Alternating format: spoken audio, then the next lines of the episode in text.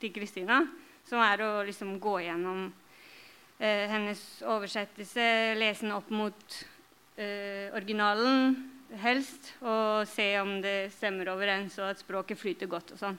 Det sa også ja til sånn ja, Spurte ikke hva lønna var, noen ting. Bare ja, liksom. Eh, og, Hvilken bok var det? Eh, det var eh, Patricio Pron. 'Mine foreldres ånd stiger i regnet'. Den er veldig fin. Og så eh, Da etter det skjedde det som jeg syns er et lite under, som var at eh, da skrev Kristina til meg direkte og bare sa rett ut Hei, eh, jeg vet ikke hvem du er, men, men eh, er, jeg ser på nettet at du er ung. og at oversett for eh, eh, Eller og at oversett miljøet er ganske Ikke miljøet, men at er, hele den bransjen er litt sånn hermetisk lukka, vanskelig å komme inn, og at hun fikk litt for mange oppdrag noen ganger, og at, hvis, og at hun lurte på om jeg var interessert i at hun skulle nevne meg hvis hun hadde for mange. Eh, og, og, da sa hun fordi hun gjerne ville anbefale noen som var litt unge. og, så, og og da skrev du også Jeg bare synes det var ganske fint. Du skrev i grunnen gjelder det vel bare å få en fot innafor. Problemet er at å få en fot innafor kan ta ganske lang tid. Så rett og slett hun bare var kjempekul. Eh, og mot meg uten at jeg hadde gjort noe. Så det, det, det er det jeg syns er bare helt sykt. og, eh, og etter det spurte hun også om vi kunne oversette en bok sammen. Og det gjorde vi, og det var liksom den foten innafor. For etter det var alt mye lettere. Da strømmet oppdragene på? Eh, ikke akkurat. Men da var det i hvert fall en kontakt der. Hva med deg, Kristine? Hadde du også en sånn eh, reddende engel? Eh, ja, det hadde jeg vel for så vidt. Fordi um, jeg um, kom jo til syvende og sist inn i oversetteryrket, uh, eller forlagsoversetteryrket gjennom mine foreldre. Um, men uh, Så det var min første bokoversettelse. Uh, ga jeg ut på deres forlag, som har samme navn som jeg har. Solum forlag. Så jeg er ganske gjennomsiktig. men uh, det var vel ikke akkurat min første oversettelse, for jeg tror jeg begynte å oversette ja, da jeg gikk på ungdomsskolen og videregående skole. Og, uh, først så gjorde jeg bare det fordi jeg syntes at det var uh, givende og gøy og tilfredsstillende og sånn. Og så etter hvert så begynte jeg å mm, av og til eh, levere oversettelser i, til norsklæreren min da jeg gikk på videregående når jeg var lei av å skrive stiler og tekster. Og så hun var veldig grei, da. Så hun, uh, hun, hun, men jeg, var, var, ble, ble, også veldig glad da, for at hun syntes at de oversettelsene var veldig gode. Det må sies at jeg gikk uh, siste året videregående på en um, internasjonal skole i uh, Spania hvor jeg var den eneste norske studenten. Så, ja. så, men uh, det var kjempefint. Og, hun, uh, og, jeg likte veldig godt å oversette. så jeg bestemte meg egentlig ganske tidlig for at jeg ville bli oversetter. Og i tillegg, så, ja, i tillegg til at jeg opplevde at det var noe som jeg likte å, å, drive med, så så jeg jo også rundt meg mange oversettere fordi foreldrene mine drev et forlag. Um, og men det var, ikke, det var, jo ikke, så lett å få dem til å utgi en oversettelse heller. Da. Men uh, så når jeg nevnte det for dem da jeg var litt yngre, så bare lo de. Så, men så bestemte jeg meg for å studere oversettelse. Og da fant jeg ikke noe sted å gjøre det i Norge, så da reiste jeg til uh, Storbritannia og studerte oversettelse og tolking der. Um, og, men sånn som jeg forsto det også på foreldrene mine egentlig, når jeg, øh, når jeg, snakket om at jeg ville oversette bøker, så, så var de, de var liksom helt sånn Det er helt umulig å komme inn i den bransjen der. Det, er helt sånn catch 22. Hvis du ikke har oversatt, så får du ikke noen oversettelser. Hvis du er, hvis du er skikkelig god, så kan du bli medlem i Oversettforeningen, og da får du kanskje De mente at da kunne man få oppdrag, da. og det, ja, øh, det sier noen ting om dem. Både at de var de sannsynligvis ikke brukte så mange nye oversettere i sitt forlag. og, men det, og det var jo um, De var jo greie som hjalp meg, da. Men jeg, i den perioden så tenkte jeg veldig mye på hvor urettferdig det systemet var. da. Um, ja, jeg, jeg, så, så jeg gjorde jo mitt ytterste for å bli en god oversetter. Jeg studerte oversettelse. og jeg... Ja, sånn, Hvordan er det egentlig det fungerer ved sånt uh, oversetterstudium? Det du gikk på? Er det, er det, et praktisk studium, eller er det et teoretisk? Ja, da hadde jeg en fireårig bachelor hvor uh, alt vi drev med, var uh, oversettelsesrelatert. Altså, vi hadde jo språkfag og tekstanalyse og en del fag som ikke var akkurat oversettelse. Men mesteparten av det vi, vi lærte veldig mye uh, oversettelsesteori, en del teoretiske fag, og så hadde vi veldig mange forskjellige typer praktisk oversettelse. Liksom ulike sjangere, da. Så det var ikke alt det som var litterær oversettelse heller. og Um, og jeg endte jo opp med å utdanne meg ikke bare til oversetter, men til tolk. Mm. Uh, som, og, det hadde jeg aldri tenkt på før jeg begynte på det studiet. Men da jeg begynte med tolking, så syntes jeg det var kjempegøy også. Nå er dere begge dere ja. Men jeg ville bare si at uh, jo, fordi uh, da Øyunn fortalte om det, så, så sånn ja, Jeg skjønte jo ikke hvorfor Kristina tok kontakt med meg, men det var jo også fordi at hun var en veldig, det var jo fordi at hun var en veldig dyktig språkvasker. Um, så da, uh, og, og det, det, det, husker jeg også fra tolkeyrket. Da jeg kom og var ny i Jeg studerte i utlandet, og så kom jeg tilbake til Norge. Og da uh, fikk jeg veldig mye hjelp av tolkekollegaene mine. De var veldig obs på å liksom alltid anbefale hvis de så at det kom noen nye. Um, så både pga. det og pga. alt det som jeg hadde tenkt rundt oversettelse da jeg starta, så var jeg veldig opptatt av at det var uh, viktig at andre fikk muligheten til å starte. Mm. Så dere, begge, dere, oversetter begge fra, fra, spansk, og så har vi Ika som oversetter fra japansk. Kanskje vi kan få en liten litt høre ut fra deg hvordan du, du, kom inn i dette? Ja, det er vel egentlig mest, på sett og vis mest typisk min vei inn. Uh, I hvert fall for min generasjon. Uh, det var rett og slett livet. Altså, jeg har ikke studert språk i en dag av mitt liv. Um, jeg var veldig heldig, kan du si. Eh, et forlag sto og banka på døra mi et år og maste om at jeg skulle oversette en japansk bok. Jeg sa da kan jeg ikke. Jeg kan ikke japansk nok godt, godt, nok til dette. Bare glem det. Det er helt totalt urealistisk. Og så ramla livet mitt sammen, og jeg trengte en fluktvei. Og så tenkte jeg aha, kanskje jeg skal svare på den telefonen. Um, og så oversatte jeg ei bok og så tenkte jeg det skal jeg aldri gjøre mer. Det holdt på å ta livet av meg. Det er altfor vanskelig. Fy søren, dette er et drittliv. Men så var jeg liksom hekta likevel. Så jeg kan ikke altså, jeg, ble, jeg føler at virkelig at jeg ble pressa inn i det. Men jeg tenker det som er, er uh, typisk for si, en stor gruppe oversettere er at det var ikke noe de planla. Det var, var, aldri tenkt som en karrierevei. En var, det var sjøfolk eller ambassadørfrue eller folk som bare hadde levd og gjort masse forskjellige ting, eller som eh, tidligere leder i foreninga som ble så sint fordi at Coriolanus ikke var oversatt til norsk, at han bare satte seg ned før han egentlig kunne engelsk, og oversatte da, og brukte flere år at det tar tid for veldig mange å bli oversetter, og at en må jobbe veldig mye gratis, og at det er tungt, og det er et helvete. Altså, Ingen må tro noe annet. Sånn er det bare. Men det er også altså, en helt fantastisk jobb når en først setter i gang. Hvorfor er det så vanskelig å komme inn? Tror dere er det fordi det er så lite Det er så få oversettere, eller er det så få oversettere? Ja, men det er også fordi at uh, jeg skjønner jo at det er vanskelig for et forlag å gi et oppdrag til en som ikke har noe å vise til. Sånn at jeg tenker at man, eh, det, er å, det, er vanskelig å, få en hel bok som sitt første oppdrag. Hvis man har oversatt en tekst på en eller annen måte uh, for, uh, for, et tidsskrift eller som en universitetsoppgave, eller hvis man har skrevet selv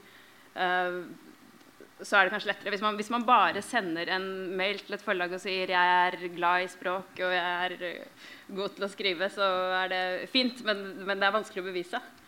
Du hadde noe Ja, jeg tenker at En grunn til at det er vanskelig, og særlig kanskje akkurat nå, å komme inn i markedet eller komme inn som oversetter, er jo at det går ikke så bra med bokbransjen. At det er de som allerede er oversettere, må kan si, kjemper om de oppdragene som finnes. Sånn at det er ikke et lykkelig øyeblikk å komme inn på. Det var, altså, det var bedre for 20 år siden, for å si det sånn.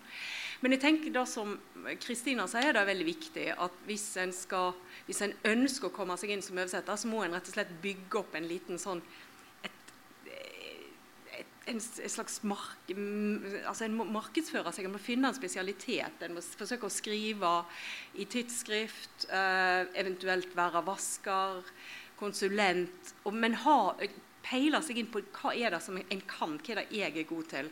Om det er polsk samtidslitteratur eller engelske historiske romaner. Altså, men et eller annet felt som er noe som en er god på, og som en også viser fram i ulike sammenhenger at en er god på. Gjerne holde foredrag gjør forskjellige sånne type ting. Eh, Dagfinn, åssen eh, er det med unge, lovende oversettere hos dere? Er det, er, det, er det noe dere satser på? Vi satser jo for så vidt på det. Vi får en del sånne mailer. da, som vi svarer, sånne, sånne mailer. Og da svarer jeg jo sånn Takk for det. Eh, jeg skal spare på den mailen. Og hyggelig. Eh, fordi at det er litt sånn eh, det er vanskelig for folk å begynne rett i førstedivisjon. Du må på en måte få erfaring. da. Mm. Så jeg tror det er ganske mange som tenker at ja, men jeg vil begynne å oversette. og så tenker de skal oversette en bok. Men det er helt riktig du sier. Man må begynne med et tidsskrift. Man må begynne å bevise noe. Du må på en måte ha, man må ha en erfaring. rett og slett. Så det å bygge opp erfaring er det det handler om. Og kunne vise til at du har gjort noe. Mm. Så hvis du kan si 'jeg har gjort det og det og det', og det er kjempebra, så da er det noe vits. Mm. Men hva er ditt råd til en uh, oppsyn altså Hvis en aspirerende oversetter vil komme i kontakt med dere? Hvordan, eh, hva slags henvendelse er det dere ja, altså, De mailene er bra. De, vi, vi spa, jeg sparer på dem på ordentlig. De, mm. de, ligger i postkassa, så får du mail to år etterpå. Vil du vaske et manus? Mm. Eh, men, det, er, eh, det, er, faktisk en veldig god vei inn. Da, for jeg tror at vasking av manus er en veldig fin måte å, og vise at du kan noe, at du forstår noe. og sånn. Så vi bruker konsulentlesing og, og manusvask som sånn rekrutteringsopplegg. Uh, ja. Mm. Så det er ikke veldig godt betalt, men det er sånn, hvis du gjør det bra, så har du liksom kommet et steg videre i, i, i rekka. da. Mm. Mm. Og så tenkte jeg litt på altså, En ting er jo også det selve, altså selve oversetterarbeidet med teksten. Men uh, på et tidspunkt må man gi teksten fra seg. Og er, så er det andre folk som kommer inn og skal gjøre noe med den. Så jeg tenkte litt, Hvordan var deres uh, erfaring med å Altså rett og slett levere fra seg teksten, gi den til forlaget, få en språkvask. Har dere noen tanker om det? Er det ikke en som har doktorgrad på det? Jo, jeg har skrevet doktoravhandling om uh, den prosessen. Mm. Um, jeg tror at det kan være um, Både for meg og for mange tror jeg at det kan være veldig ulike opplevelser. Alt fra og endelig føle at her er det noen som ser arbeidet mitt. Å, så godt jeg ble ivaretatt av denne personen. Til å være uh, et øyeblikk av irritasjon, eller hvor man til og med kan bli ganske såret. Uh, og det kan være berettiget eller uberettiget, tror jeg. Og i hvert fall for min egen del så tror jeg jeg syns at um, at den prosessen var mye vanskeligere da jeg var en uh, yngre eller mindre erfaren oversetter. Og da hadde jeg jo sikkert mye mer å lære også, men jeg tror jeg var mye mer uh, hårsår um, som kunne synes at det var litt vanskelig. Um, men uh, når jeg tenker tilbake på det, så ja, jeg har oppdaget to ting. For det første at jeg har lært utrolig mye. Og for det andre så har jeg sett hvordan jeg liksom har tatt til meg alle de uh, rådene som, og eh, de rettelsene da, egentlig som jeg har fått. Og jeg har også merket det uh, ja, bl.a. når jeg har samoversatt, f.eks. med Øyunn. Jeg har samoversatt to bøker. At noen ganger så har, De har også til og med tatt liksom inkorporert ting som, eh, som, hun kanskje har reagert på. Hvorfor sier du sånn? Hvorfor kan vi ikke skrive kjøpesenter? Det er helt normalt å si kjøpesenter. Også, ja, for eksempel, Og så uh, uh, selvfølgelig er det helt normalt å si kjøpesenter når man tenker seg om. Men, så da ble jeg sånn, å pling, Det var jo den språkvaskeren som sa til meg den gangen at man må ikke si kjøpesenter, det er handlesenter det heter. Og, så, og i ettertid så har jeg tenkt sånn der, Oi, ja, det var jo egentlig kanskje litt feil. men så man må jo liksom være litt forsiktig også kanskje med hva man uh, tar for god fisk. Men, uh, men det hadde jeg liksom uh, tatt til meg og tenkt at nå har jeg lært noe. Men sånn tror jeg det er med alle de gode tingene som jeg har lært også. da. Og alle de får jeg jo aldri noen sånne opplevelser med, fordi at de har liksom kommet inn og så gjør de tekstene mine bedre hver eneste gang. Hva med møtet med forlaget, da? altså Var det, hvordan, var det en positiv erfaring? Med forlagene. Ja, så Eh, Følte du at du var klar over hva, hva slags rettigheter og plikter du hadde overfor, det, mm, overfor forlaget når du Egentlig så tror jeg at um, i den språkvaskprosessen så har jeg registrert at um, Og jeg, jeg så det også i det materialet som jeg analyserte til doktorgraden min, at oversettere reagerer litt forskjellig på de eh, vaskerkommentarene som de får. Noen bare tar alt inn, og så gjør de teksten helt ren. Og så sender de den tilbake til forlaget. Og noen sier fra om alle de tingene som de ikke var enig med vaskeren i. Og liksom og har 100 sånne sporendringer. Og når jeg snakket med dem etterpå og spurte hvorfor de gjorde det på den ene eller den andre måten, så sa veldig mange sånn Å ja, jeg trodde det var sånn man gjorde det. Så det er litt ulik praksis. Um, men jeg tror at uh, uh, jeg, vet om, jeg, jeg vet ikke om det er mange oversettere som får seg en sånn aha-opplevelse om hvordan den prosessen er. Men det jeg vet, er at det er mange vaskere som, uh, som kanskje kommer inn i oversetterverdenen gjennom den eh, progresjonen som vi har snakket om. At man kanskje begynner med å vaske Eller man sier til forlaget jeg vil gjerne oversette, så får man språkvask. Og så får de ikke noe uh, særlig instrukser om hvordan man skal gjøre det. Eller det blir liksom ikke forklart hva en god vask egentlig er. Og så gjør de sitt beste. Og så etterpå så får de en uh, utrolig ubehagelig opplevelse når det viser seg at de har gjort noe som uh, var helt feil. Um, og, da, og da kan det i verste fall Da burde jo egentlig redaktøren fange opp det før oversetteren får det. da. Men det kan skje at uh, språkvaskere da får kjeft av oversetterne. Ikke sant? Som uh, erfarne oversettere som aldri har sett på maken til mishandling av manuskriptene sine. Hva med deg, Øyunn? Hvordan var det for deg? Ehm, jeg har veldig ofte blitt vaska av Kristina. Vi har sånn eget firma, på en måte.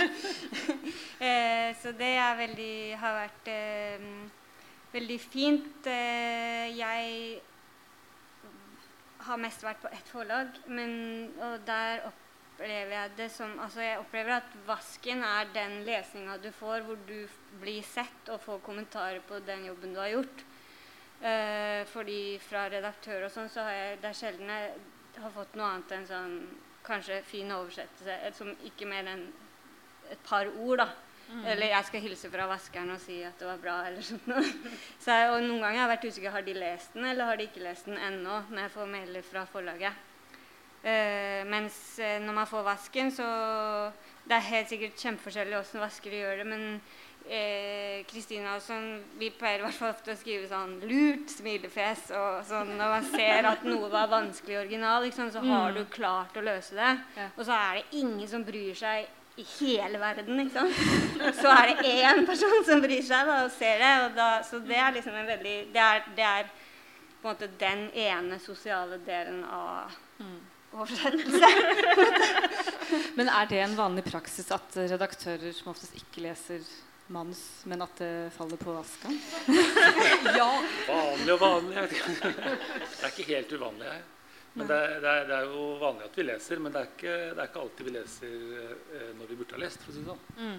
Så det hender jo at jeg sender ting rett fra Asker til oversetteren yeah. eh, uten å ha lest gjennom vasken selv. Det skal jeg være ærlig og innrømme at jeg har gjort. ja. Men, eh, og, og vi, det er ofte vi ikke har tid til å liksom skrive lange utredninger om hvor bra det er. Det blir sånn flott. Men uh, hvis, du ikke, hvis det er dårlig, så får de ofte høre det. Så, hvis de ikke hører noe, så pleier det å være bra. Men dere har jo i, i Oversetterforeningen gitt ut en sånn liten bok. Vaskeboka. Ja. Mm. Så den bør jo være til god hjelp for alle som er litt usikre Den burde jo alle det. som eh, vurderer å vaske et manuskript, også Klassekampen-journalister som har lyst til å vaske Dag Solstad, eh, først lese. Den er en veldig fin liten håndbok som er laget i fellesskap mellom redaktører, vaskere og oversettere. Om hvordan en, eller hvordan en vasker et manuskript. Et oversatt manuskript. da. Jeg pleier å gi den til folk som ikke har vasket. Den er fin. Ja, absolutt. Altså, hvis uh, alle forlag og sånn som vasker og skal bruke noen for første gang, så anbefaler vi at de får det. Men jeg tenkte vi kunne snakke litt mer om, eh, om Oversetterforeningen. Ja. Uh, altså når man da etter hvert har gitt ut et par bøker, så vil man kanskje ha lyst til å bli med der. Og åssen er egentlig den opptaksprosessen Eh, altså Nå har vi jo to Vi har endra litt, så vi har to veier inn. Du kan enten komme inn på to bøker som blir uh, lest, eller du kan du må, Hvis du har fire bøker som er oversatt på etablerte forlag, så kan du én av de bli lest. Så du kan velge altså, om du har holdt på en stund, eller om du har disse to bøkene. Mm. Eh, men uansett, lesinga er den samme, og da leser Faglig råd eh, oversettelsen. Og så leser de den opp mot original. Ikke alt, men en god del. Altså ganske mange sider, setning for setning. Og ser på løsninger og diskuterer dem. Eller å notere seg ting som funker, ting som ikke funker. Også sånn dette var en genial løsning på en nesten uoversettelig setning. Og så leser eh, en annen leser bare oversettelsen og vurdere hvordan boka fungerer på norsk. Mm. Eh, og så eh, diskuteres dette i rådet, og, og da, eh, som kommer med en innstilling, så, og så blir det vedtatt av styret. Som veldig sjelden går imot. Altså Det er bare på saksbehandlingsfeil. for å si det sånn. Av og til så kan en se at her er det et potensial, men to bøker den ene holder ikke mål. Da kan en be om vedkommende har ei bok til, eller kanskje eventuelt venter til den tredje boka er kommet ut og så tar vi og vurdere den også. Det er veldig, altså Velviljen er stor, men samtidig så skal det altså, Vi holder fast på at da å bli medlem av foreninga skal vise for det første at du er oversetter, og at du holder en viss sånn minimumsstandard. Det er ikke noe prisvinnernivå en snakker om, men at en forstår språket en oversetter fra, er alltid en god begynnelse. At en kan norsk og ikke gjør masse sånne idiomatiske feil eller direkte norskfeil, på en måte, er også eh, noen ser etter, og om en forstår og klarer å overføre kan si da, stilnivået og de stilgrepene som, som er tatt i originalen. Eh, ja. Mm. Eh, at det blir eh, ei bok som er noenlunde tilsvarende originalen eh, mm. på norsk. Som har den samme effekten, ivaretar humor og den type ting. Altså Når du først da har blitt, uh, mm. blitt, medlem, hva betyr et sånt medlemskap for uh, en ung og lovende oversetter? Hva, hva, kan dere gjøre for Vi kan gjøre veldig mye. Altså for ja. det første må jeg si at Veldig mye av det som foreninga gjør, gjør vi også for uorganiserte. Uh, har en problemer med et forlag, et kontraktproblemer, er usikker på noe, så stiller foreninga opp altså i den grad vi har kapasitet, og stort sett har vi det. Sånn at der er det ikke noe skille. Og uorganiserte, altså som ikke medlem, kan også søke stipend hvis en er oversetter, men må faktisk være oversetter. Dvs. Si en må ha oversatt noe eh, for å kunne eh, kvalifisere til å få stipend. og sånn. Men når en er medlem, så får en jo for det første et fantastisk sosialt miljø som kan anbefales alle. Eh, en veldig sånn, et utrolig fint kollegium og masse faglig eh, utbytterike seminarer og samtaler. Eh, men så fungerer det jo også litt som et kvalitetsstempel, og jeg vet at en del forlag ser på det, altså ser etter det. Vi får jo også henvendelser om en har og vi kan kjenne noen. og sånn. Vi anbefaler aldri oversetter, vi bare gir en liste over de vi har som vi vet oversetter fra et språk. da, mm. Eh, men kan jeg bare si en ting til? Absolutt. For u, altså, Du spør eh, et eller annet om hva vi kan gjøre for uetablerte. Ja. Og da har vi jo ei ordning som er helt fantastisk, som, er, som heter konsulent kollegahjelp. heter det. Eh, der også folk som ikke er medlem, kan få en eh, slags Ikke mentor, men altså en, en hjelp eh, av et visst antall sider. Det er, ikke, det er opptil 5000 kroner vi kan bruke per person per år. Men altså en kan få en erfaren oversetter til å lese et manuskript og få hjelp og møtes og gå igjennom og få hjelp til å diskutere eh, problemer, utfordringer, mulige løsninger og sånn. Og veldig, eller alle som har hatt det, blir bedre og er veldig fornøyd etterpå. Eh, og da kan, altså som sagt, Alle som søker, får tilbud om det før søknaden er behandla. Sånn at det ikke skal være bare de som eventuelt blir av, får avslag. Men, men, også andre kan få dette. Uh, og så lurer jeg litt på dette som jeg så vidt var inne på. Altså sånn, hva, hva, er uh, oversetterens rettigheter og plikter i møte med et forlag? Er det noe du har noen tanker mm. Ja. Uh, den viktigste plikten oversetteren har, er å levere i tide. Eh, og da tenkte Jeg jeg kan kanskje komme tilbake til det. Den viktigste rettigheten det er at oversetteren det er oversetteren som har retten til teksten. Ikke, retten, ikke opphavsretten, men altså det er oversetteren som har siste ord når det gjelder teksten. Ikke tittelen. Da er det forlaget som bestemmer. Så alle de teite titlene som dere irriterer dere over, det er det ikke oversetteren skal skytes på. Men oversetteren bestemmer over teksten. Og hvis forlaget kommer inn og gjør inngrep en, eh, som en ikke er enig i, så kan en faktisk si at en ikke vil ha navnet sitt på. En skal ha honorar, men en eh, ja. Sånn at en har, en har rett på betaling. Det er helt klart. Og en har rett til å bestemme over teksten. Selvfølgelig innenfor litt sånn kvalitets... altså Du kan ikke si at denne oversettelsen er drita dårlig, men jeg vil at den skal stå sånn som den er. Selvfølgelig. Men den viktigste plikten er som sagt å levere i tide. Og da er også den, da punktet der de aller fleste oversettere feiler mest. Og da tenkte jeg du kanskje kan ta den ballen. jeg er veldig glad du sier det. Levere i tide er veldig bra. Men uh, det som er vel så viktig, er jo at det er bra, så klart. Altså, vi, vi er veldig opptatt av kvaliteten på det som utgitt. da.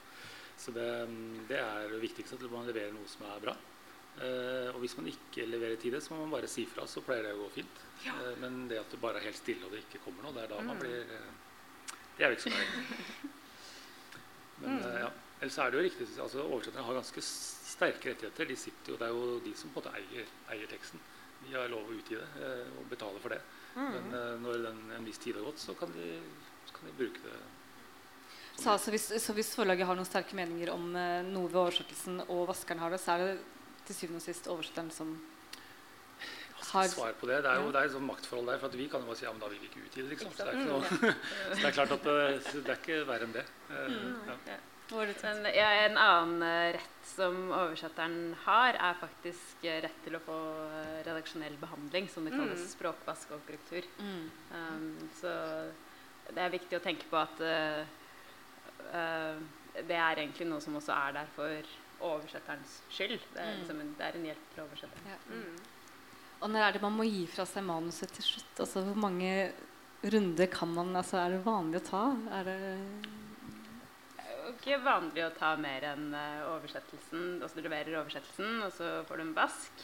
Så retter du opp vasken, så får du en korrektur, og så retter du opp den korrekturen. Men eh, det kan skje Eller det kan være en annen korrektur, og til og med en tredje korrektur, kanskje, hvis det er eh, spesielle grunner til det. Men jeg vet at det finnes tilfeller hvor det er flere runder enn det. Og hvor det blir sånn Kanskje en vask som er mer enn en vask. Eh, Som noen kaller krisevask, eller eh, Hva kaller du det? Kokevask. Kokevask. Hvor du liksom kan begynne å spørre hvem det er som egentlig har oversatt. eh, Men det er ikke sånn det skal være. Men eller- det er derfor det er viktigere å levere noe som er bra, enn å levere tide. Mm. For det å få en oversettelse tide som er helt sånn krise, det er ikke noe Og, og så er det også det er det, at oversetteren må gjøre en god jobb. Og det er også det at oversetteren må på en eller annen måte matche forfatteren. Så hvis det er en mismatch der, og man som oversetter ikke merker det selv, um, så kan det bli dumt for teksten og for forlaget. Da, selvfølgelig. Ja, det var noe, jeg tenkte litt også på, Er det litt sånn at eh, altså er det sånn kutyme at det er en oversetter som på en måte eier et forfatterskap? At det er eh, altså, Med mindre det har gjort en veldig dårlig jobb? Altså, vi, vi forsøker nesten alltid å bruke den samme oversetteren eh, på den samme forfatteren. Eh, det er ikke helt konsekvent, men det er det som er, liksom, det er, det som er vanlig. Hvis du først har begynt å oversette en forfatter, så, Ja. så er det ofte at du får den igjen. Da. Mm. Men det kan jo skje ting, eller det kan være grunner til at ikke det skjer, men ofte så, har man jo, så følger man forfatterskapet. Mm. Og så har jeg skjønt det som at det ofte er sånn at uh, for, det forlaget som hadde forrige utgivelse av den forfatteren, de har på en måte førsterett på neste utgivelse. Eller i hvert fall pleier rettighetshaveren å venne seg til dem først, sånn jeg har skjønt det. Mm. Så hvis de da har en oversetter de pleier å bruke, så Mm. pleier det vel å bli den. Mm. Var du litt uenig, Kristin? Nei, nei, nei. Eh, Det er vel litt sånn at det regnes som For det første så er det veldig dårlig i bransjen å ta et forfatterskap fra et annet forlag. Og det er litt sånn også i eh, at en helst ikke tar et forfatterskap fra en annen oversetter. Sånn at hvis en blir tilbudt en oversettelse av noen som allerede er i, i, i oversettelse, så eh, er det liksom sånn, litt sånn gentleman's agreement at du da tar en en telefon og, finner, og lurer på hvorfor, f.eks. kunne du ikke. Kunne du ikke, ja. Mm. Sant? Eh, har det, ja, sant? Er det en historie? Mm. Før en kaster seg i gang. Når det er sagt, det at det kan finnes forskjellige oversettere som har oversatt samme forfatter, uh, kan jo også være interessant. Da. Eh, det uh, viser jo hvor ja, det, altså, Samme forfatter kan jo skrive veldig forskjellige bøker, men det kan også vise hvor, hvor ulikt det går an å gjøre det. Mm. Sånn sett så kan det være interessant å se eller å bli bevisst på at det, det er ikke sånn at det blir at det blir dårligere fordi at det gjøres på en annen måte. Det er sånn oversetteriet er. At Mm. oversetteren legger noe av seg i det. Det må jo være en litt personlig også. Man, to oversettelser er jo ikke like. som du sier.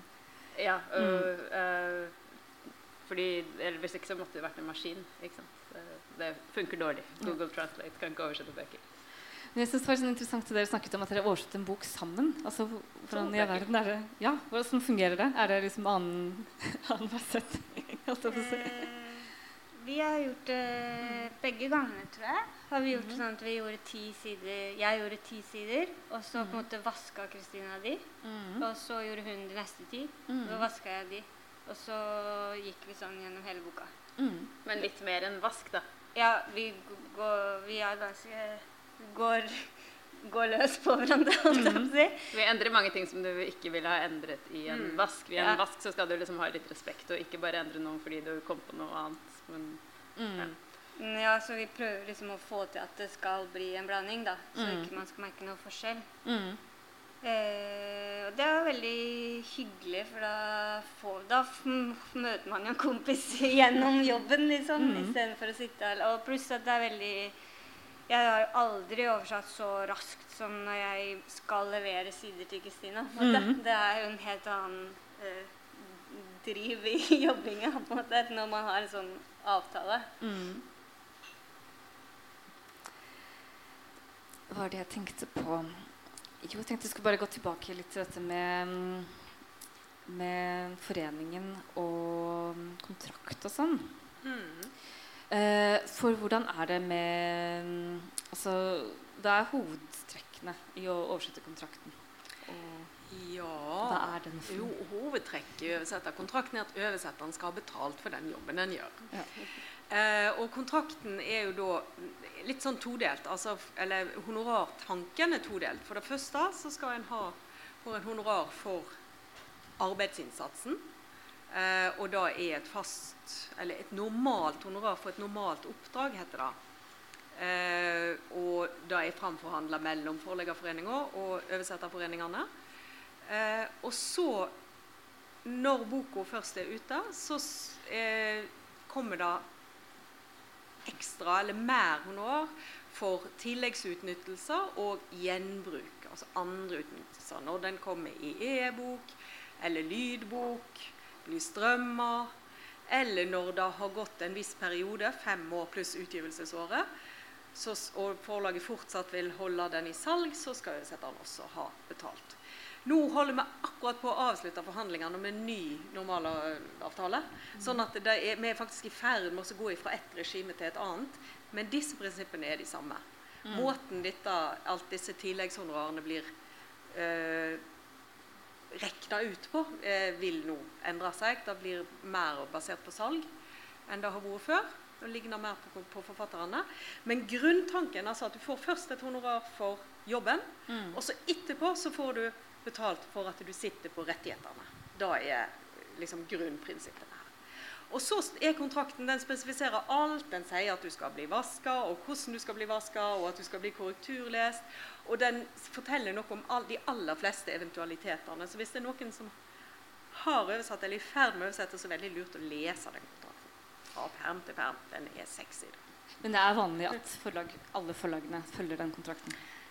Eh, tja eh, er, Med noen unntak så har det vært vanlig. Noen forlag eh, har hatt en tendens til å lage litt sånn sine egne kontrakter. Eh, for en del år siden så var det et forlag som drev og skrev sånne andre ting inn i den eksisterende teksten. Så det, nå er det en sånn kontrakt der det bare er én side du skal skrive på, og så henviser den bare til de vilkårene som gjelder.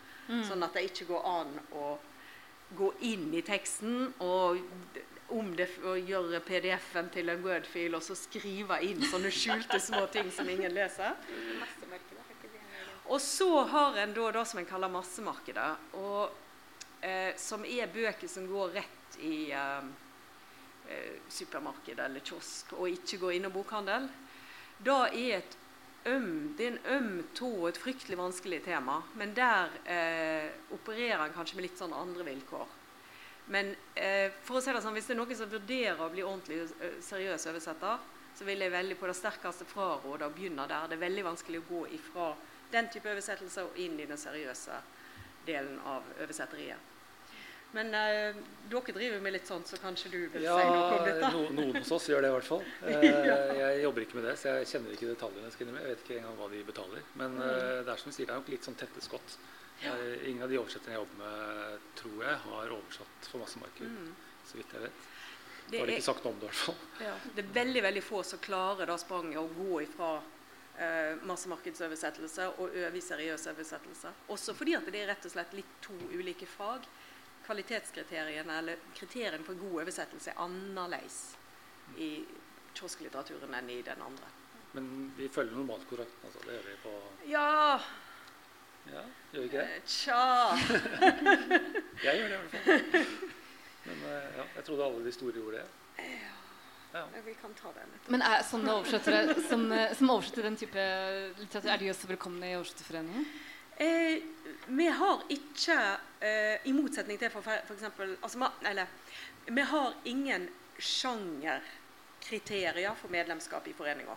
Kriteriet er at bøkene som du søker på, skal være av en slik vanskelighetsgrad at det er mulig å vurdere eh, om oversettelsen er Altså om det er tilstrekkelige utfordringer til at den det mulig å vurdere.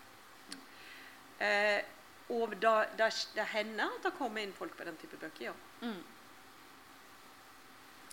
Men også for mange typer sånn hva skal jeg si, høylitterære eller litterære fiksjonstitler er det f.eks. Cappelen Myrut i året. Det kan jo ikke være et Eh, uendelig antall. altså. Cappelen Dam, vi har en eh, De bøkene jeg jobber med, så har vi ca. 20 titler i året. Mm. Som er da liksom seriøs eh, skjønnlitteratur oversatt.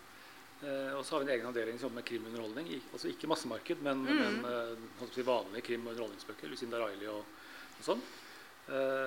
Der har de ca. 50, hvorav eh, 20 kanskje er krim, og 30 er mer sånn underholdningssjangeren.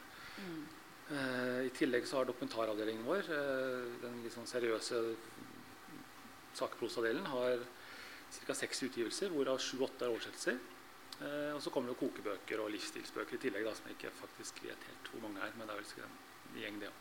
Mm. Så det er, eh, det er ganske mye, egentlig. Mm. Men opplever dere at det er eh, altså at den si, seriøse litteraturen blir skjevet ut av forlagene? si? Nei, jeg, vi, vi, jeg opplever ikke det i Cappelen Dam. Der er det, satser vi på, på Mm. den seriøse litteraturen også. Mm. Eh, Det vi har sett er at Markedet er mer og mer todelt. Det er liksom blitt, Mm. Folk kjøper mye mer underholdningsbøker, og så kjøper de mye mindre av det i midten. på en måte. Det er litt Mm. sånn halv, halvlitterære. Så vi, vi satser hardt nå på å liksom presse lista mer mot mer litterære. Mm. Eh, og ser ut til at det går bra. At, altså bra er bra, dvs. Si vi, vi er jo sponset av Visita Riley. Så Mm. det er jo så det, det er, går bra på den måten. Men eh, eh, de, av de 20 titlene våre så er det kanskje i hvert fall halvparten som går liksom med underskudd per tittel. Ja. Eh, og så er det noen som går bra, eh, Mm. som, som vi tjener litt penger på. Men i snitt så må vi liksom, selv om vi, selv om vi selger ganske bra noen av dem, eh, så trenger vi de kommersielle titlene til å liksom veie opp mot, eh, mot de andre. Men det er vel det som ligger i begrepet eller i uttrykket børs og katedral? Altså, det er vel det som er hele poenget? på en måte? Ja. Og vi er en del av et stort støttesystem Mm. i Norge som er fantastisk. Så det er jo bare å være med på det, liksom. Mm. Jeg tenkte vi skal gå enda litt tilbake til uh, altså selve denne oversetter, eh, å være ny oversetter. Altså, når dere først hadde gjort deres første bok og skulle begynne på den andre Ika, du sa at du syntes det var helt forferdelig og hadde ikke, mm. ikke lyst til å gjøre det igjen. Er det altså noe dere følte, følte på, eller er det, hvordan var det uh, å begynne på en ny bok sammenlignet med den første? Um, jeg gjorde den første sammen med Kristina. Mm. Så ja, eller det var på en måte en sånn trapp ikke sant? fra at du maser på forlagene, og så manuskonsulent, og så språkvasker, og så medoversetter, eller hva det heter. Og så til at du liksom er på toppen, og da sitter du alene og knoter med ord og tviler på alt. Og jeg tenkte sånn, jeg kan ikke si høyt at det er dritt, fordi det er lederen i Oversettforeninga. Men, nå, men nå sa hun det sjøl, så det er liksom eh, det etter å ha gjort det sammen med noen, og så sitte aleine Den første boka jeg gjorde da, da jobba jeg seriøst et år. Det var bare 300 siders bok. Uh, holdt på å bli gæren og har liksom alle i familien min har lest igjennom. Og det er på en måte uh, Jeg har ikke tjent noe uh, Det er det året, inntektsåret mm. som jeg er helt i bunn i livet, liksom, siden jeg var 19 år. Og, og da tenkte jeg liksom Hva er det jeg holder på med? Hvorfor vil jeg så gjerne inn her? på en måte Og så er det litt gøy også når man får det til. Sånn. Mm, ja. Så det er veldig spesielt, spesielt at man fortsetter. Akkurat sånn er det. Ikke gjør det. det, det. Nei, men det er jo ikke sånn for alltid, tenker jeg. Jeg også mm. syns det var sånn, ikke bare med min andre oversettelse, men sikkert med den tredje og den fjerde også.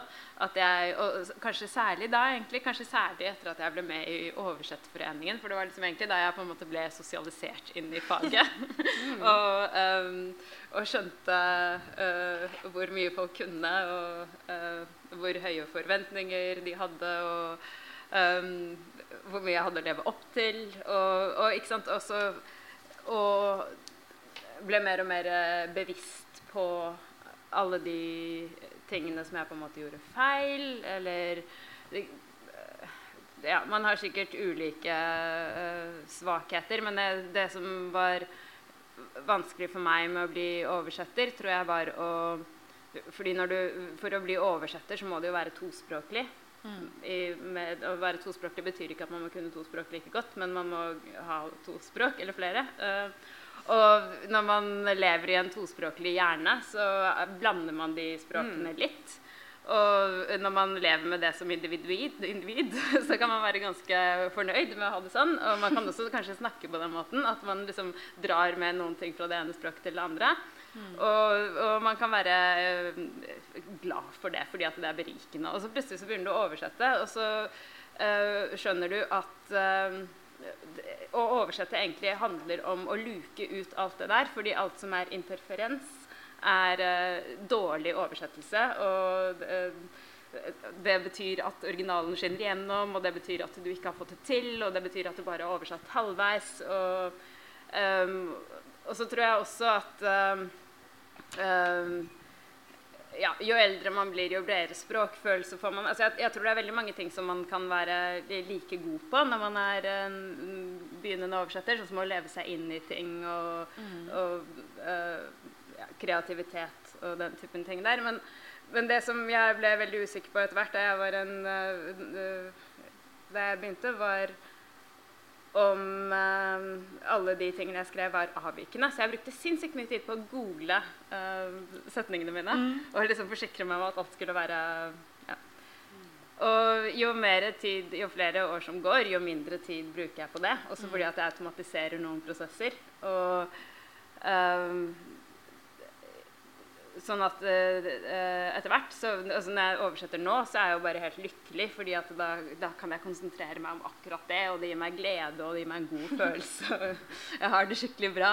Men, uh, uh, og jeg googler masse ting nå også, men nå gjør jeg det som en sånn automatisk ting. Og jeg er ikke så nervøs. Og, mm. ja.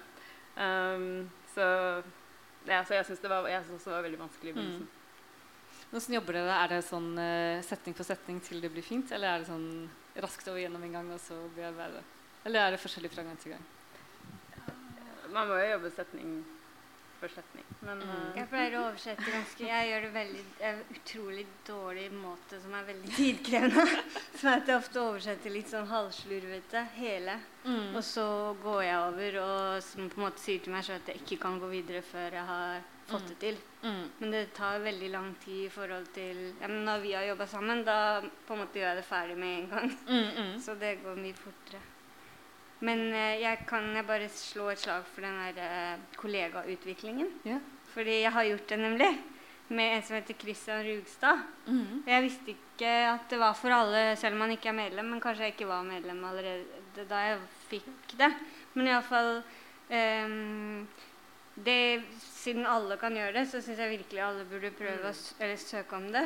Eh, Fordi det eh, Det jeg i hvert fall opplevde som ny, og fortsatt opplever hele tida, men det er at det, er veldig mye av jobben er- handler at jeg driver og tviler. Jeg tviler på om jeg har skjønt originalen riktig, og så tviler jeg på om den løsninga er best, eller den andre løsninga er best. Og så blir jeg sittende sånn og tvile veldig mye. Og da, da han Christian Rugstad han oversetter oss fra spansk, da, han leste gjennom noe jeg hadde og holdt på med å oversette, og kommenterte på det og svarte på noe tvil og sånn.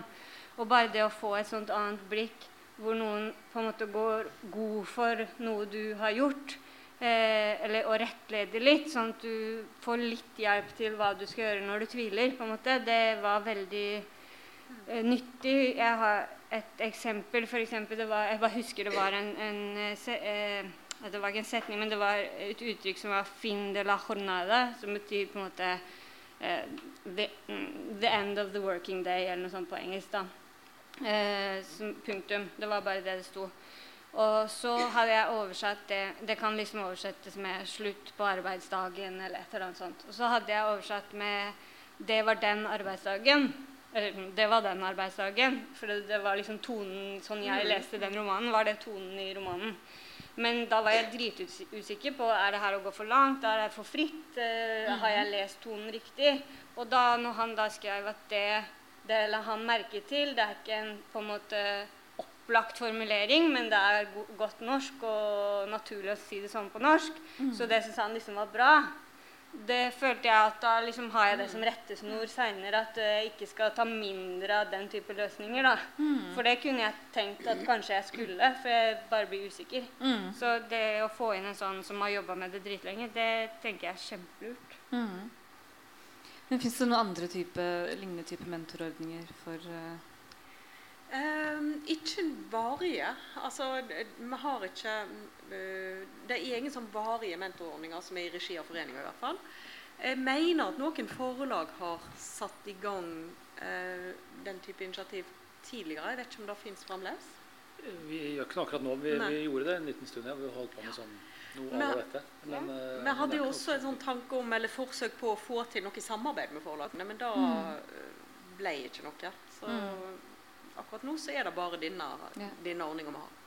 Ja, jeg tenker også på det med mm, Det finnes så mange store mm, språkgrupper i Norge som det oversettes lite fra. Fordi det er eh, altså tilsynelatende liten, liten kjennskap til de språkene, mens det er sikkert er veldig mange som kan språkene, men ikke, mens veien til eh, oversettelsen er jo ikke så, så lett. Så jeg lurer på om eh, Har dere noen tanker om eh, Eller planer om eh, hva man kan gjøre for å rekruttere inn oversettere fra store innvandrerspråkgruppene i Norge? Jeg skulle ønske jeg kunne svare veldig positivt på dette. Vi hadde jo i flere år et prosjekt som heter Flerstemt, eh, som var forsøk på å lage oversetterkurs for eh, oversettere fra de største innvandrerspråkene. Og dette var knytta opp mot, eller kom i forlengelse av Kulturrådets mo mosa såkalte mosaikksatsing, der de ga ekstra støtte til oversettelse av bøker fra disse språkene. Men problemet er at eh, det, det, var, altså, det var så vanskelig. Og det er vel kommet én oversetter ut av dette, og det er fra polsk. Eh, som var kanskje da, da, den språkgruppa som trengte det minst. Um, problemet er egentlig, tror jeg, at vi tror det fins veldig mange som kan det, men det er, vår erfaring var at det er det ikke. Altså, veldig mange eh, og dette er, no, dette er en av Norsk oversetterforenings kjepphester. Morsmålsundervisning. Altså, veldig mange av de som kommer hit, og, og som har, er eh, barn av innvandrere eller har flytta hit som barn sjøl, holder ikke språket, altså har ingen mulighet til å lære seg språket, det voksenspråket, sitt morsmål som voksenspråk. Sånn at de har et barns ordforråd og en barns grammatikkforståelse, og så mister de altså de, har bare, Vi kan bare bruke det i familien. Eh, og her har jo da den norske staten slutta, liksom lagt ned alt, hele satsingen på morsmålsundervisning, rettighetene til da. Eh, slik at, fordi at de er så opptatt av at folk skal integreres og lære seg norsk. Og skjønner ikke den fantastiske verdien som ligger i tospråkligheten, som ligger i flerspråkligheten.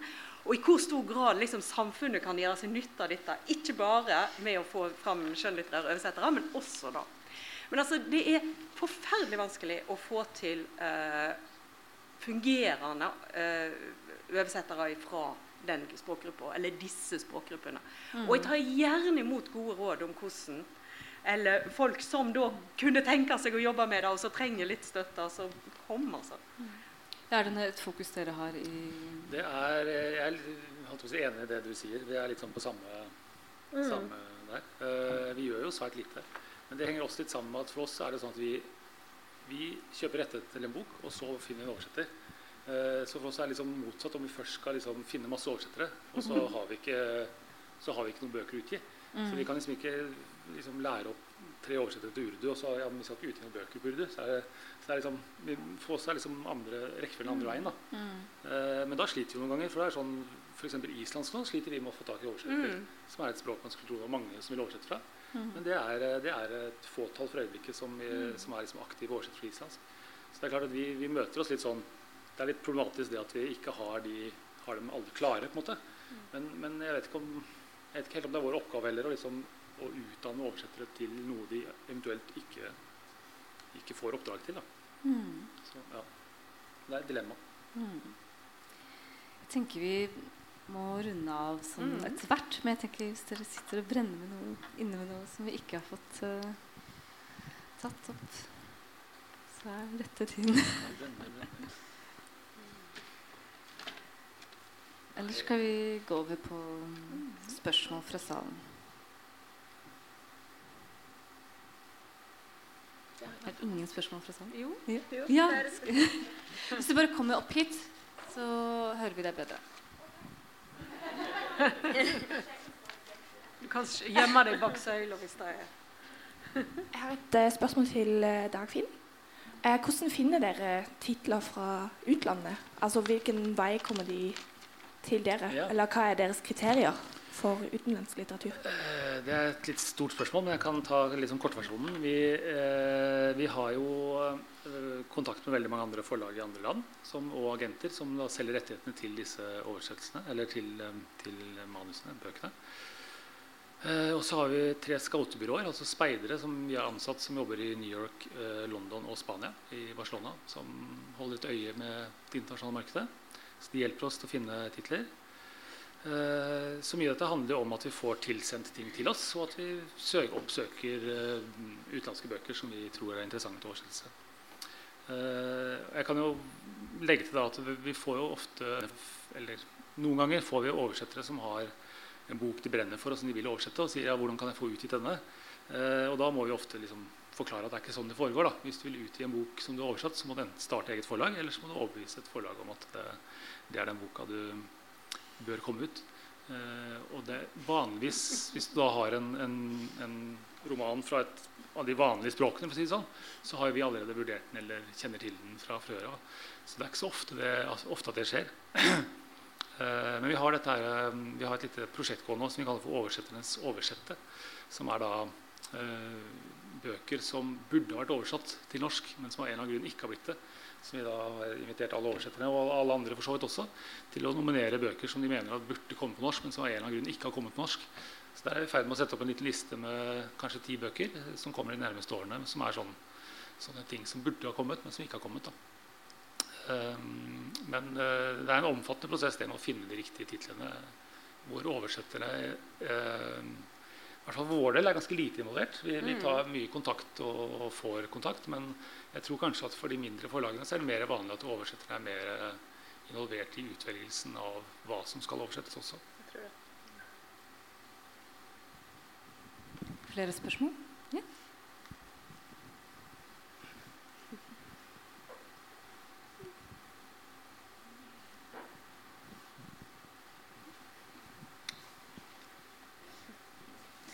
Tør ikke å gå opp der, jeg heller. Så. Det er.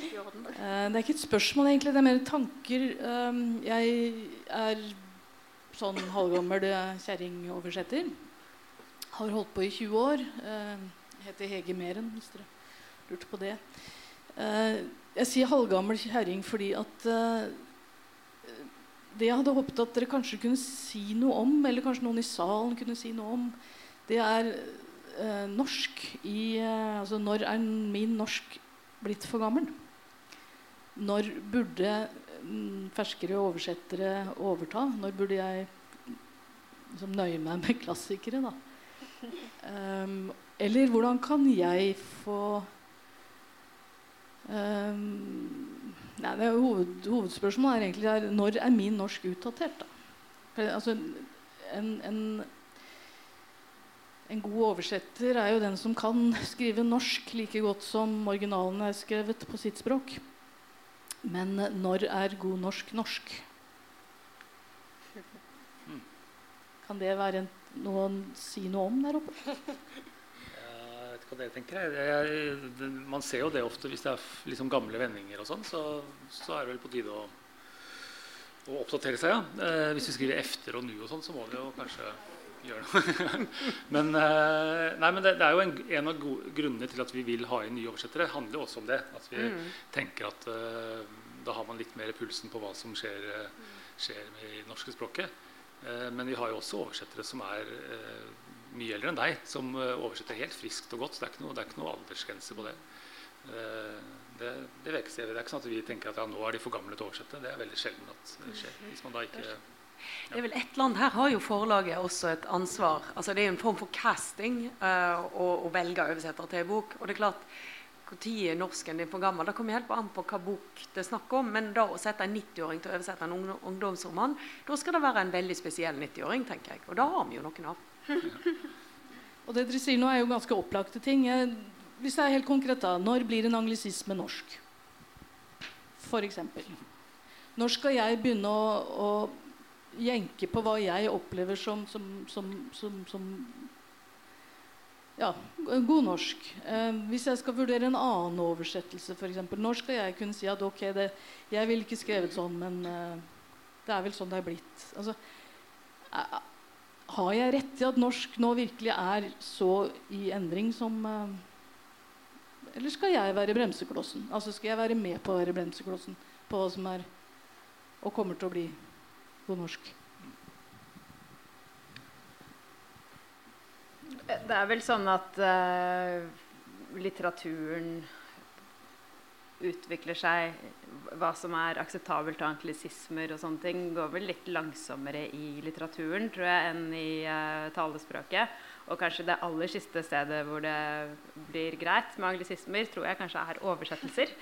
Um, nettopp fordi at um, en oversettelse fungerer litt annerledes enn en uh, originaltekst.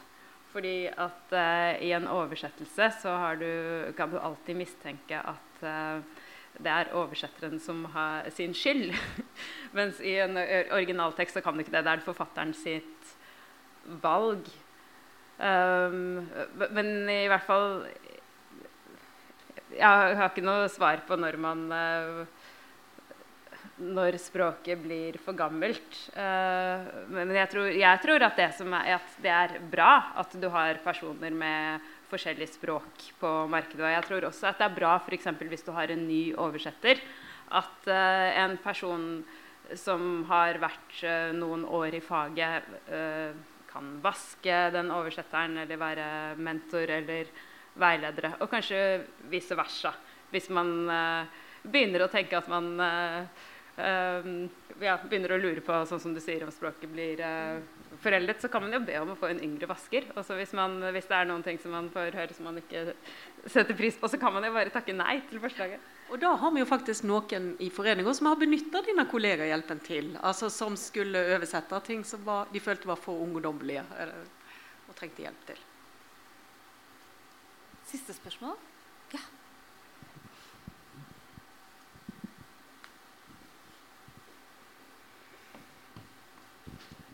Ja, hei, og takk for en veldig fin, uh, fin samtale. Um, jeg, er med i redaksjonen i tidsskriftet Mellom. Og jeg hadde lyst til å gå litt tilbake til noe dere snakka om uh, tidligere, om uh, den litt sånn kollegiale førsteretten som man kan ha som oversetter av en forfatter eller et forfatterskap. Eh, gjelder det for, eh, for tidsskriftoversettelse òg? Altså hvordan, hvordan, vil enten forlag eller, eller, andre oversettere forholde seg til, til, det? For vi i Tidsskriftet Mellom har veldig lyst eller Et av våre mål er å, å introdusere mange nye eh, stemmer og forfatterskap til Norge. Og vil da våre eh, de, som, de, som, oversetter for Tidsskriftet Mellom, kunne forvente å få den første telefonen? Eller vil det være eh, vil da forlag ringe til en mer erfaren eh, oversetter først? Jeg kan godt begynne å svare på det. Spørsmål, ja. ja det, jeg er veldig glad for at Mellom fins, og tenker at det er en veldig fin, uh, fin start for mange oversettere. Uh, jeg tror ikke, å, jeg, tror ikke jeg kommer til å liksom gå i innholdstegningen og ringe direkte til de som har skrevet, men det er klart at når du henvender seg til oss og kan henvise til noen har oversatt imellom, og kan legge ved det og fortelle om det, så er det en veldig bra start på, på et uh, oversetter, ja, potensielt oversetteroppdrag. Mm. Jeg syns det var et godt spørsmål som jeg ikke har et godt svar på. Så jeg syns uh, Dagfinn svarte utmerka. Ja, så fortsett med det. Mm. Apropos det, så er uh, tidsskriftet Mellom mulig å kjøpe ved døren der. Som vi har uh, lanseringspris på i kveld. Så må ta dere en tur innom der. Da tenker jeg kanskje vi skal runde av. Tusen takk til panelet. Du får en stor applaus. Ja.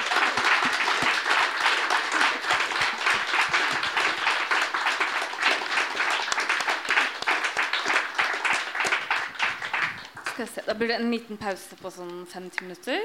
Altså fem til ti minutter. Eh, og så blir det opplesning. Så kjøp en øl, gå på do, ta en røyk, kom tilbake. Nepos roman 'Det amputerte minnet', som er oversatt av hele fem oversettere eh, under et oversetterverksted på Litteraturfestivalen på Lillehammer. Ok, Vær så god, Erlend. Fint at det fortsatt er så mange folk her. Eh, jeg var så heldig å bli invitert med på oversetterverksted i regi av Litteraturfestivalen på Lillehammer og eh, Norsk oversetterforening, selv om jeg ikke var med i Oversetterforeninga da. Så det var veldig stas. så da var jeg med eh, altså Da var vi fem oversettere som eh, eh satt og jobba med eh, denne boka her. Eh, La memoire amputée, skrevet av eh, kamerunske Were Were Li King. Um, og vi oversatte elleve sider fra hos sin, hos sin, store roman. Og De som var med på, på det, det var Gøril Eldøen, Thomas Lundboe, Ingse Skattum, Synnøve Sundby og meg sjøl. Um, denne boka eh, heter da 'Det amputerte minnet' og er en eh, bok som tar for seg eh, på en måte Afrika hva skal man si, vestafrikansk eh, samtidshistorie sett ifra eh, Halla Njoke sitt perspektiv. Hun er en ung, uh, ung, kvinne i begynnelsen av boka som etter hvert blir, uh, blir gammel gjennom, gjennom romans løp. Så det utdraget jeg skal lese, det er et utdrag fra når uh, Halla Njoke er på arbeid sammen med sin farmor. For de fleste av oss er arbeid dessverre det motsatte av glede. Takk Gud for at han lot meg trekke vinnerloddet i livets lotteri som gjør det mulig for meg å forene de to tingene. Slaven derimot har ikke denne muligheten. Store Maja Halla, som jeg er oppkalt etter, sa det sånn. Du for din del vil alltid vite om du er fri eller ikke. Det kommer an på om du kan forene arbeid og glede eller ikke. Da betrodde store, Mad, store Maja meg at hun er karamellkvinne. At hun frykter sola. Så snart det gryr av da, rager hun sammen glørne, legger machete og hakker i korvene som vi bærer på hodet, og så går vi til åkeren. Hun tenner bål, for det er temmelig kaldt på denne tida av døgnet. Vi arbeider i taushet, dobbelt så ivrig, både for å holde varmen og for ikke å bli bitt av insekter. Innimellom så stemmer hun i en sang med en rytme som lillesøstera mi og jeg gir oss hen til. En slags jevn, uimotståelig motor. Sånn får vi lagt ned et enormt arbeid som vi høster lovord for fra ektemannen vår. Men idet sola begynner å steige, så stanser vi. Vi samler rotvekster på den gamle åkeren, plukker med oss urteblader, frukt og grønnsaker og går hjem. Ektemannen vår er ikke som mannen til karamellkvinna i eventyrene som tvang kona si til å jobbe i sola bare for å vise at hun ikke var lat, sånn som, den, sånn som de slemme naboene påsto. I stedet for å ta henne i forsvar tvang han henne til å bevise noe som var naturstridig for henne. Dermed smelta hun helt bort, og ektemannen mista både kjærligheten, sukkeret og rikdommen som hun brakte han når hun fikk arbeide i skyggen. Farmor Maja, karamellkvinne, til oss så sa du I ly for den steigende sola kan dere ta dere tid. Og hvis dere tar dere tid til å gjøre godt arbeid, vil alt godt arbeid som er gjort, gi dere en særskilt glede. I skyggen av kakaotrærne skal dere ta dere tid til å kløyve fruktene ordentlig. Det vil lønne seg, for da slipper dere å få munnen full av sand og skitt fra vanskjøtta machete når dere suger på bønnene. Ta dere tid til å velge ut de fineste og saftigste bønnene og skill de fra de middelmådige. Da vil dere få dobbel belønning. Først gjennom kvaliteten på kakaovinen dere kan lage de, og deretter gjennom klassifisering av vil få når de skal selges på markedet. I skyggen av palmetrærne skal dere ta dere tid til å skjære bladene i like strimler. Da kan dere nyte synet av vakrere hauger. Og når tida er inne for å plukke soppen som vil vokse der, kan dere nyte gleden og lettheten som følger med alt arbeid som er ordentlig gjort. Dere kan bare stikke hånda inn mellom haugene som om dere gikk på tur i drømmer. Passer dere på å brenne haugene etter at de har blitt tørre, vil dere på ny bli belønna. For det vil gi en, ei usedvanlig god jord hvor dere kan sette løk eller poteter, og de vil få en eventyrlig vekst. Ta dere òg tid når dere vil plukke palmenøtter, til å velge ut de fineste, sånn at dere får den beste oljen. De mindre gode skal dere oppbevare på steder som ikke er for fuktige, og knuse de forsiktig for å få fatt i de halvtørre frøene, de eneste som gir den magiske olja la, den som beskytter huden og spedbarnets fontanell mot tusenvis av skader. Når dere har pressa ut olja og har passa på å samle sammen bikangene, restene som er tømt for fett, vil dere bli belønna med andre sopper som ikke vil vokse hvis avfallet bare blir strødd rundt. Skal jeg ramse opp alle de uendelige gledene som all ekstra innsats gir i jakta på fullkommenhet, mine kjære små skygger? På den betingelse at man tar seg tid. Men dessverre er det vanskelig å ta seg tid under ei steigende sol når man er karamell som meg. Selvsagt så forsto vi alle fordelene med denne måten å gjøre det på etter å ha brukt den hver dag. En arbeidsmetode som forvandla ethvert gjøremål til tusenvis av muligheter for oppfinnsomhet og glede og for endeløs fryd. Men hva var nå dette her med, karamell, eh, med dette karamelleventyret? I rundt 20 år har jeg prøvd å leve etter ei anna hos sine hellige teorier. Jeg følger ingen lover. Tilpasning er min viktigste lov. Så jeg gjorde meg til vann jeg kondenserte når det ble kaldt, smelta og fordampa når det var varmt, sildra som regn i vær og vind, styrta i fosser og fritt fall fra svimlende høyde mot bunnløse avgrunner. Ja, det var godt, for alt hadde sin plass, og alt falt alltid tilbake på plass. Og ikke noe er bedre for sjela enn en sånn smidighet. Det finnes altså tusen måter å dø på, uten at man noen gang får vite åssen det ender. Man dør som isklump bare for å fødes som damp noen øyeblikk seinere. Og ikke før er man blitt damp, så dør man øh, og gjenfødes som dog eller duskrein, for så å begynne forfra igjen. Begynne forfra eller fortsette? Problemet ligger nettopp i hvordan vi oppfatter tid, tida, og hvordan denne oppfatninga fortsetter. Alltid flyktig, uten fast holdepunkt. Det var da jeg fikk følelsen av å forstå historia om karamellkvinna. Hun som for enhver pris må bevare sin form for å kunne gjennomføre ei handling. Dvs. Si i løpet av ei tid som er lengre enn overganger fra damp til duskregn. Ja, Ei kvinne som velger et liv i hjemmet, eksempel, trenger en viss tid til å bygge det. Til å sette barn til verden og oppdra de til menn og kvinner. Om ikke hun bevarer sitt liv eller si form, vil hun smelte. Livet vil kanskje fortsette i andre former, men hun som kvinne vil ikke ha hatt tid til å fullføre sin gjerning. Når karamellen smelter, vil han riktignok fortsette å være karamell. Men den kan flyte ut og blande seg med sanda. Den kan bli spist av maur, flue og bier. Han kan til og med bli glemt der han ligger i sola. Og hvis han er heldig, kan han bli liggende urørt helt til natta faller på, og den kjølige lufta gir han fast form igjen. Men han vil aldri finne helt tilbake til sin tidligere form. Livet fortsatte, alt er vel, men kvinner har ikke fått oppdratt barna sine. De er foreldreløse. Du som ønsker å gjennomføre dine valg, gjennomføre det du har satt deg fore her på jorda. Du som har begrensa tid igjen, pass godt på den forma du har nå. Den som er så verdifull for din gjerning. For du er karamell. Nå som jeg nærmer meg 80 år, erklærer jeg meg for karamell. Jeg trenger litt mer tid.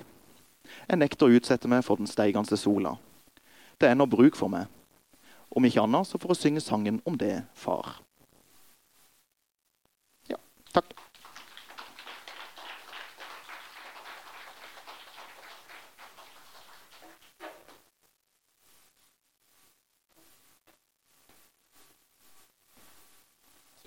Tusen takk. Um, neste er poet Atle Haaland, som skal lese fra sin oversettelse av Jonas Eikas novelle uh, 'Bad Mexican Dog 1', fra novellesamlingen 'Efter solen', som nylig mottok Nordisk råds litteraturpris. Vær så god, Atle.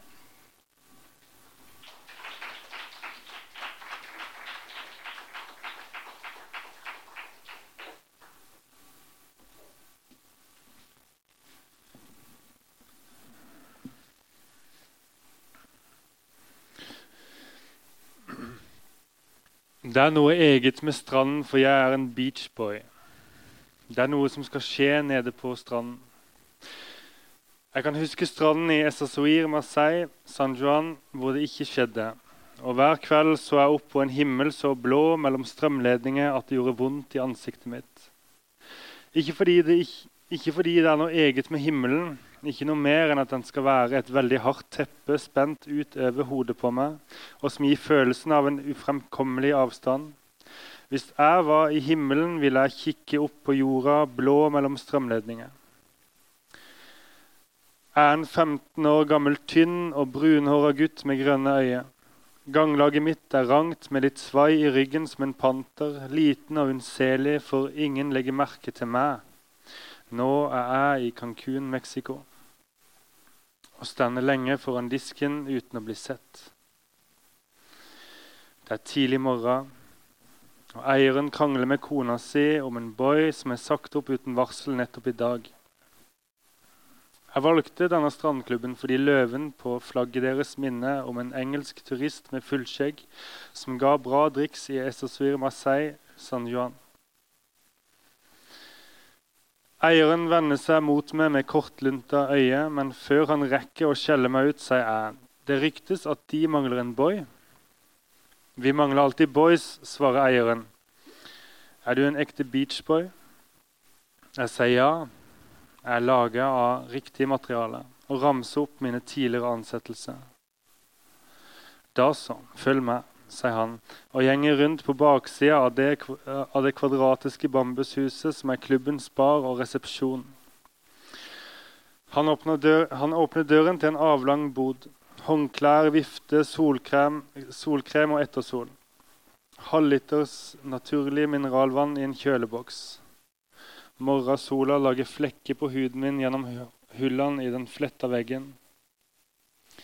Eieren kaster et par sorte badebukser og en hvit trøye på benken og sier jeg skal skifte der. Så forlater han rommet. Og mens jeg sitter og kler av meg, kan jeg se over bardisken gjennom et hull i veggen, ut på himmelen og havet så blått mellom liggestolene at det kiler i skrittet mitt.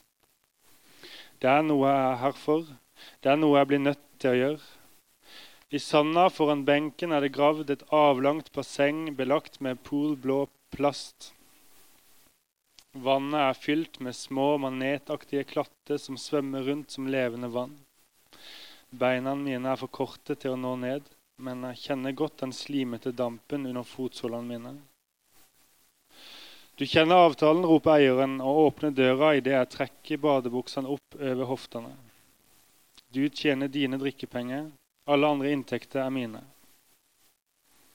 Jeg bekrefter, og han spenner rumpetaska fast over badebuksa.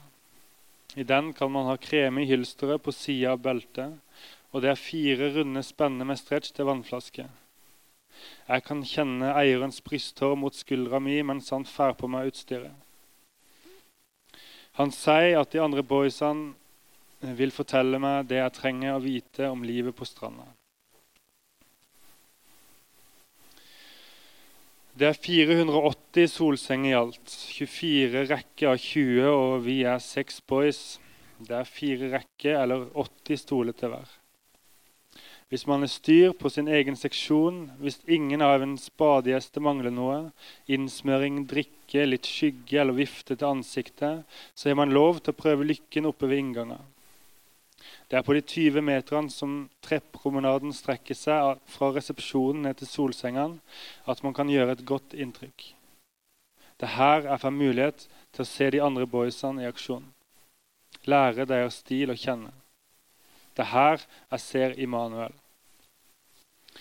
Da den franske dama med solhatten er kommet halvveis ned promenaden, løfter han den ene foten og setter kursen direkte mot henne med en besluttsom gange.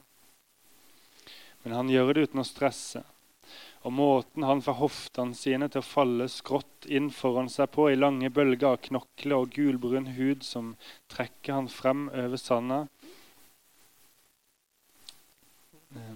å, um, det får det til å gå i slow motion for meg. Hvert skritt viser seg i alle sine faser. Fra hælens anslag til sålens ormebevegelse, over forføttene ut til tærne. Og sanda gjør spenstopp rundt hælen. Øynene mine glir opp til hoftene igjen, og jeg kan se bekkenet som kipper mellom hvert skritt fra side til side, så jeg tenker på krepsdyr og flekkete fisk som svømmer i bekkenrammen, i det lyseblå havet som skvulper mot skambeinet. Det er svært kraftig, Immanuels skjød, vuggende oppover promenaden mens alt annet ved ham falmer, hans lange, sorte hår og gulbrune hud. Og da han er fire meter fra dammen med solhatten, har han noe askegrått over seg som en gammel tjener på en bistro. Min frue, velkommen til klubben. Hva om jeg var deres personlige boy i tiden de tilbringer hos oss? Skygge, sol, solkrem, massasje og kalde drikker, hva enn de ønsker.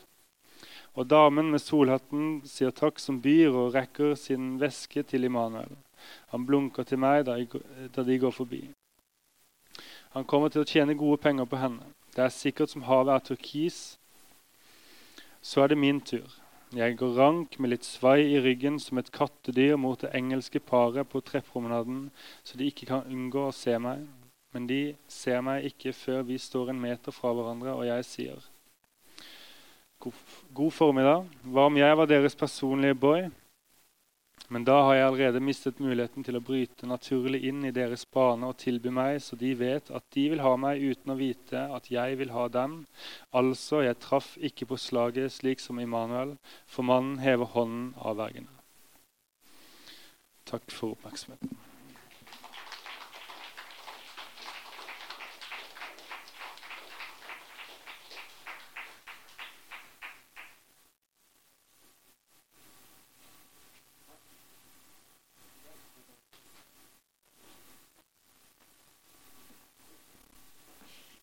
Det var alt for nå.